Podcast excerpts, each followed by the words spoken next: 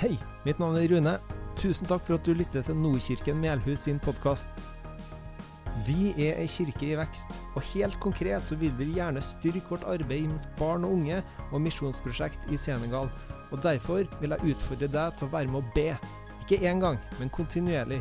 Vær med å gi gjennom fast givertjeneste. Vær med å bruke de gavene du har fått, til en velsignelse for andre. Se nordkirkenmelhus.no for mer informasjon om hvordan du kan engasjere deg. Lykke til. Yes. Mitt navn er Rune, da, pastor i Nordkirken Velhus. Litt som jeg sa på årsmøtet på onsdag, så er jo det en eh, glede. Kjempeflott å være en del av den eh, familien her. Gudstjeneste- og menighetsfamilien. Eh, Samtidig er det jo frustrerende og slitsomt og demotiverende og Ja, som vi ser her. Men sånn er det å være menneske, og det tenker jeg at vi, vi er og skal være. Vi er uperfekte mennesker som samles sammen og er ment til å fungere. Datt jeg litt ut der. Men eh, dagens tale, 'Sannheten om Gud', del to. Vi er jo i en temabolk om sannhet, som på en måte er hovedtittelen for årets, eh, årets tema. Og så hadde vi besøk av Håvard Kjøllesdal, som hadde også en tale, 'Sannheten om Gud'. Da han tok for seg en del grunnleggende sannheter som vi har bygd litt videre på, og som er, ja, ser på som viktige da, når man taler videre om sannhet. Og så fikk jo han nå en halvtime, og en halvtime på å dele sannheten om Gud, det er jo ikke eh, enkelt. Men han hadde de her eh, grunnleggende knaggene, og så skal jeg ta en, en knagg til. Og det vi skal snakke om, er pakt. Paktsforhold. Hvordan Gud opererer med mennesker gjennom, gjennom pakt. Og det er ikke en, egentlig en sånn selgende tittel. Så den gikk jeg ikke ut med. Jeg gikk ut med 'Sannheten om Gud' del to. Som heller kanskje ikke er så selgende. Men jeg tror ikke man får med seg naboen med å si at nå skal vi snakke om pakt. Kom og bli med. Det blir kjekt. Det er kanskje andre ting som eh, får deg hit. Eh, Fordi, nettopp fordi at Gud opererer med mennesker gjennom pakt. Det ser vi gjennom Bibelen, at eh, de inngikk en pakt. Pakt inngikk der og der. Det er en sånn eh, essens som er viktig å få med seg når vi snakker om Gud, og hvordan han er i møte med oss mennesker. Og pakt, da, det er er ikke så ofte vi snakker om. Det finnes egentlig ikke noe modernisert eh, ord for pakt. Kanskje tenker man kontrakt. Det henger litt sammen med kontrakt. Men vi har ikke noe bedre ord for det. Tim Keller, som jeg har lytta til og lest litt av i forhold til temaet her, han sier at grunnen til at vi ikke har fornya dette ordet, eller har et bedre forklarende ord, er for at vi mennesker vi er individualistiske, i hvert fall her i Vesten. Vi tenker så mye på oss sjøl og jager etter å få dekt egne behov og jager etter lykke. Derfor har ikke vi kommet på et bedre ord for pakt. For når Bibelen snakker om pakt, så er det så mye mer da, enn en avtale. Så mye mer enn en kontrakt som er signert. Det er mer enn en avtale mellom to parter. Det er mer enn en juridisk og lovbestemt kontrakt. Fordi fellesskap og relasjon er noe stikkord her. Inni denne eh, kontrakten. En pakt den er mer intim og kjærlig enn bare et juridisk forhold, men likevel mer bindende, varig og ansvarskrevende enn et personlig forhold. Den er rett og slett en eh, slags blanding mellom kjærlighet og lov, eller relasjon og lov. Det er et personlig forhold som gjøres mer intimt og kjærlig nettopp fordi den er, har et juridisk rammeverk. Den gir en trygghet. Trygghet er viktig i en pakt. Den gir en trygghet når løftene står fast, uansett omstendigheter. Og det handler om et gjensidig forpliktende fellesskap. Når jeg var 20 år, så inngikk jeg min første måte, store avtale. Da skulle jeg leie min første leilighet. Og da ble det laga en kontrakt, en avtale med huseier. da. Og i den kontrakten så sto det at jeg måtte betale 3000 kroner pluss strøm hver måned. Det var på en måte den eh, hoveddelen, og det er kanskje det jeg følte meg mest, jeg følte mest ansvar overfor. Det måtte jeg betale hver måned. Det var min del. Og så var det en del ordensregler og sånne ting. da. Og så skulle huseier da stille med denne leiligheten og hadde noen forpliktelser i forhold til det. Og så har jo denne, hadde jo denne kontrakten en straff. Straff eller konsekvens da, dersom en av partene brøyt avtalen. Og for min del så handla det om at da ble jeg kasta ut. Så jeg brøyt kontrakten, så blir man kasta ut. Har ikke noen leilighet lenger. En annen måte å inngå en form for avtale er når to mennesker innleder et forhold. Og på generelt grunnlag, da. Litt hvordan dagens samfunn fungerer. Der ser man i måten hvor samfunnet er, og hva man får input gjennom media. Så er det sånn at når to mennesker møtes, så går man inn i et forhold med tanken om at jeg er den jeg bør være, dersom du er den du bør være. Ellers så er jeg ute. Mens under en pakt så ser to mennesker på hverandre, og så sier de at jeg skal være den jeg bør være, uavhengig om du klarer å være den du bør være. Det er ganske skummelt å inngå en pakt. Ekteskapspakten er sånn. Det er ikke rart at den er hellig. For under en pakt så sier man at du er viktigere enn meg. Forholdet er viktigere enn mitt eget behov. Jeg vil sette dine behov foran mine. Jeg vil investere i det forholdet her, selv om det ikke dekker mine behov akkurat nå.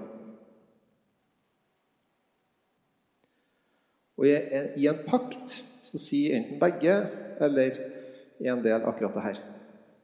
Så paktsforhold, da, det er mye, mye dypere, mer intimt og trygghetsbasert enn et hvilket som helst annet forhold.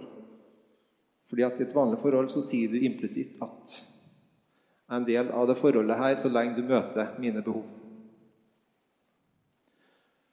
Ekteskapspakten den er kjempeskummel. Og Hvis jeg visste omfanget av det her eh, når jeg inngikk denne ekteskapspakten, så hadde jeg kanskje tenkt meg litt ekstra om, for det visste jeg ikke når jeg sto foran presten og når jeg sto foran Gud. Så visste ikke jeg egentlig, Da har jeg skjønt i ettertid hva er det jeg egentlig har gått med på her. Men nå er det jo for seint, da. Uh, nei da. Uh, men det å starte et liv med en person med en sånn pakt det er Guds omsorg. Det er fordi at han ønsker det beste for oss. Og det er tanken bak ekteskapspakten. Men så vet vi på annen side at vi er mennesker, og vi feiler. Det er det mange som har erfaringer med. Men poenget er å gi et sånt bilde på hva er en pakt kontra en avtale. Mer intim og kjærlig enn bare et juridisk forhold. Likevel mer bindende og varig og ansvarskrevende enn et personlig forhold. Ok, da skal vi gå inn i dagens tekst. Der skal det stå første Mosebok 15, 1-19. Og det handler om en avtale mellom Gud og vår stamfar Abraham. Jeg sier stamfar fordi at eh, ved Guds nåde så er også vi hedninger, ikke, ikke jøder. også poda inn på denne historien. Det er også vår historie som vi ydmyk skal få være takknemlige for at vi er en del av. Guds løfter til jødene gjelder også oss, fordi vi gjennom troa på Jesus har blitt og fått del. Og Hva vi har fått del i, skal jeg komme tilbake til. Eh, Dette er en eh, litt merkelig tekst. Den har i hvert fall en merkelig del som ikke er så lett å forstå. Og hvis det er en ting jeg har skjønt etter å ha studert Bibelen, så er det å, det å stoppe opp på sånne deler og spørre det her skjønner jeg ingenting av. Eller hva, hva betyr det her? Eh, det her var rart. Det her eh, ryster meg. Det har en verdi, da. Hva er hensikten her? Ok. Vers 1. Etter dette har hendt, starter jeg med. Da kunne det være litt lurt å finne ut hva er det som har hendt. Og Det som har hendt, da, hvis man leser kapitlene før, er at Gud har gitt Abraham noen løfter.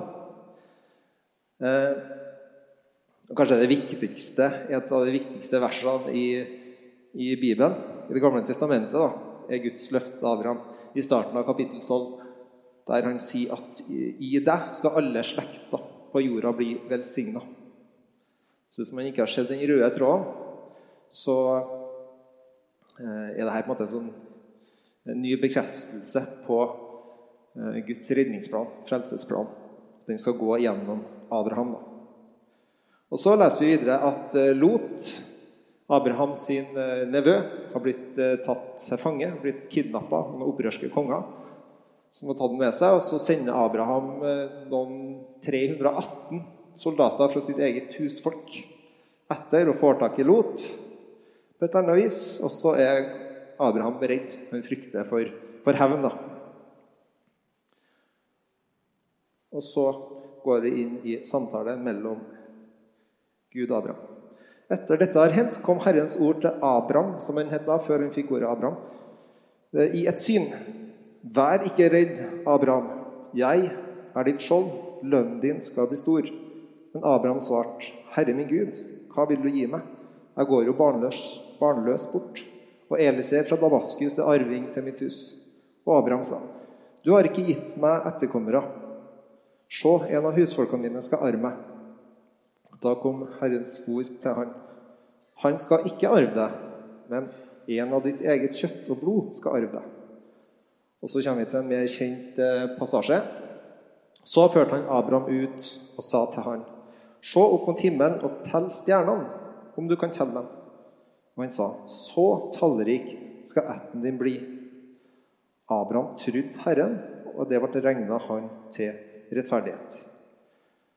Og en viktig eh, detalj, eller sannhet her, da, er at Abrahams gjerninger, eller prestasjoner, det var ikke det som gjorde han rettferdig, men det var hans tro hans tillit til Gud. Og han sa til han, 'Jeg er Herren som førte deg ut fra Ur i Kaldea for å gi deg dette landet i arv.' Abraham sa, 'Herre min Gud, hvordan kan jeg vite at jeg skal få det i arv?' Og Nå svarer Gud med noe som i utgangspunktet er ganske merkelig. Da sa han, 'Hent meg en treårs krige, en treårs geit og en treårs vær og en turteldue og en duunge.' Abraham henta alt her til han, skar dyrene i to og la delene rett ovenfor hverandre. Men fuglene skar han ikke i to. Rovfugler slo ned på skrottene, men Abraham drev dem tilbake. Den delen her eh, skjønner vi ikke hva betyr dagens samfunn. Abraham skjønte hva det her betydde. Gud skjønte hva det betydde. De første leserne skjønte hva dette betydde. Men vi gjør nødvendigvis ikke det. Det som skal skje, da, er at de skal inngå en pakt. Forsegle disse løftene som Gud har gitt, i en form for kontrakt. Da. Og I vår kultur, sånn som jeg sa det i, start der, i starten, så signerer man gjerne på papir. Eller bank-ID. Men det hadde ikke de så mye tilgjengelig da. Og måten de løste det på, var at de utøvde ei handling. Og handlinga skulle representere konsekvensen av å bryte en pakt. Altså, du gjorde en fysisk handling for å synliggjøre konsekvensen av kontraktsbrudd eller brudd på pakten. I Jeremia 34, 18 så står det en tekst som er veldig vanskelig å forstå hvis man ikke knytter den opp mot kapitlet her. Der står det, står det, det er Gud som sier. De, brøt, de som brøt min pakt og ikke holdt ordene i denne pakten, de slutta for mitt ansikt. Med dem skal jeg gjøre som med den kalven de skar i to, så de kunne gå mellom stykkene. Lederne i Juda, i Jerusalem, hoffmennene og prestene og hele folket i landet som gikk mellom stykkene av kalven, gir jeg i hendene på fiender og folk som står dem etter livet. Likene av dem skal bli til føde for fuglene under himmelen og for dyrene på marken.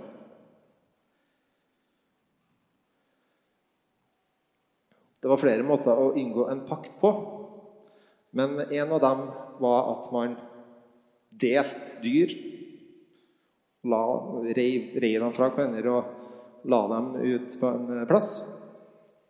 Og så sa man at dersom jeg bryter pakten her, nå eller i framtida, så la det skje med meg som med dyrene som ligger her.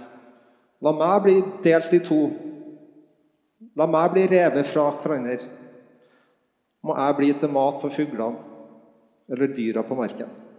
Og så gikk man mellom dyrene, og så identifiserte man seg med de døde dyrene.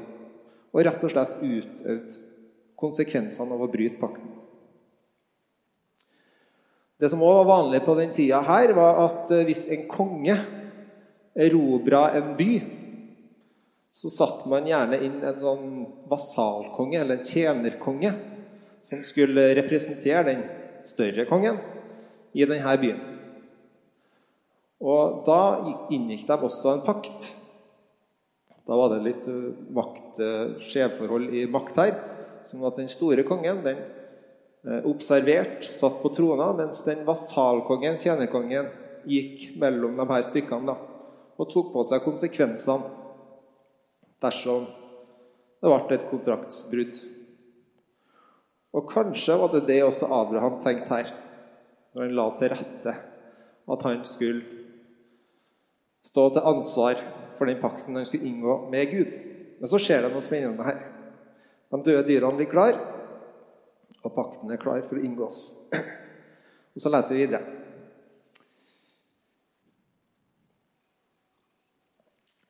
Da solen holdt på å gå ned, falt en dyp søvn over Abraham. Og så, redsel og sort mørke falt over han.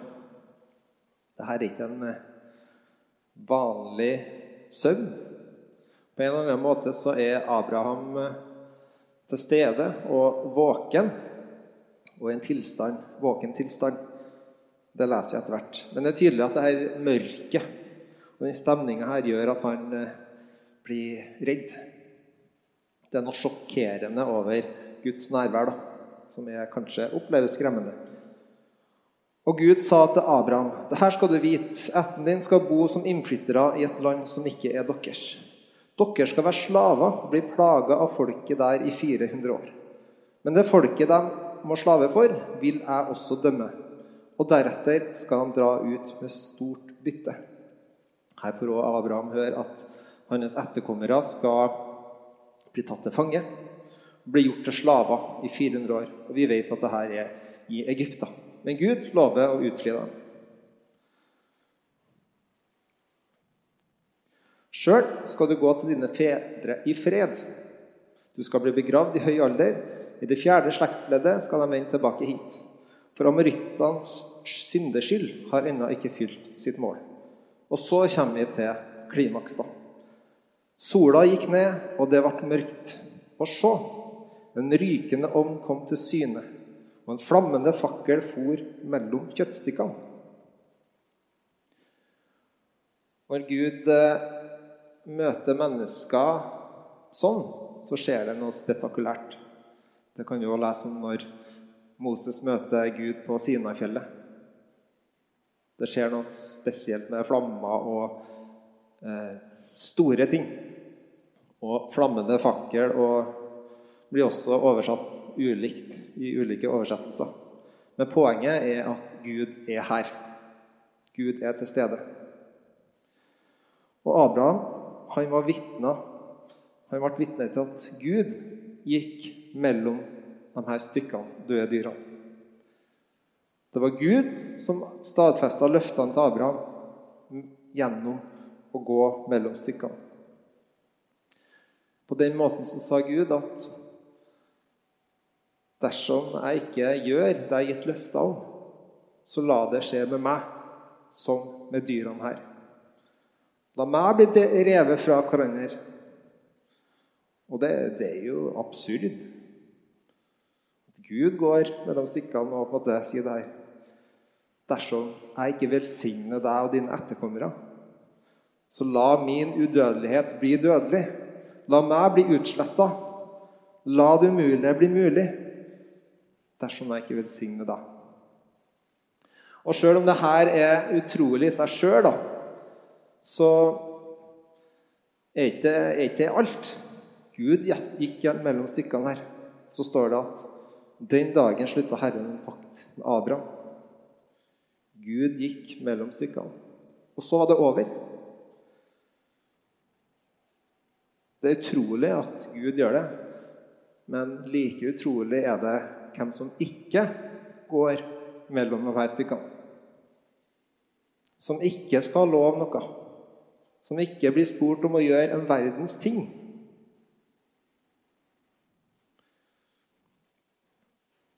I deg skal alle slekter på jorda bli velsigna, leste vi i kapittel 12. Ikke bare ville Gud ta straffa dersom han brøt pakten, men Gud sier at han vil ta straffa dersom du, Abraham, også bryter pakten. Velsignelsen her er ubetinga. Gud lover å bli revet fra hverandre dersom han feiler, eller Abraham feiler. Jeg tenker at Abraham må ha vært eh, forundra. Eh, nå kunne han være sikker på at dette kom til å skje. Og Så ligger det kanskje i kortene at Gud vil jo ikke feile. Men om Abraham skulle feile, og etterkommerne så skulle han ta konsekvensene Hvordan er det mulig? Da må vi til Markus. Markus 15, 33. Da den sjette time kom, falt det et mørke over hele landet helt til den niende time. Nå går vi inn i Golgata. Jesus henger på korset. Og det samme mørket som det var snakk om i Moses, 1. Mosebok 15, det kommer også her. I Jesaja 53, 6 står det om den lidende tjener. Vi gikk oss alle vill som sauer. Hver tok sin egen vei. Men skylden som vi alle hadde, lot Herren ramme han. Tilbake til Markus. Og ved den niende time ropte Jesus høy, med høy røst, Eloi, Eloi, lema sabachthani. Det betyr, min Gud, min Gud, hvorfor har du forlatt meg? Og da skjønner vi hva som skjer. Gud han ble revet vekk fra Gud. Hans udødelighet blir dødelig. Det umulige blir mulig. Den fryktelige straffa blir lagt på han. Nettopp fordi at han vil velsigne oss. Selv om jeg og du feiler. Sånn at frelsen ikke hviler på mine og dine prestasjoner, men hva han har gjort. Galaterne 3, 13-14. Men Kristus kjøpte oss fri fra lovens forbannelse da han kom under forbannelse for vår skyld. For det står skrevet:" Forbannet er hver den som henger på et tre.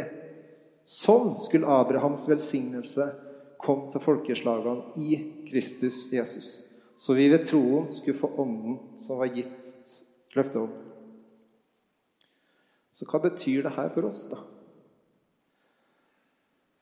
Det finnes ikke en større kjærlighetserklæring. At noen tar straffa for deg. Noen velger å dø for deg. Det handler om nåde. Ubetinga kjærlighet. Vårt håp ligger i Jesus, ikke våre prestasjoner.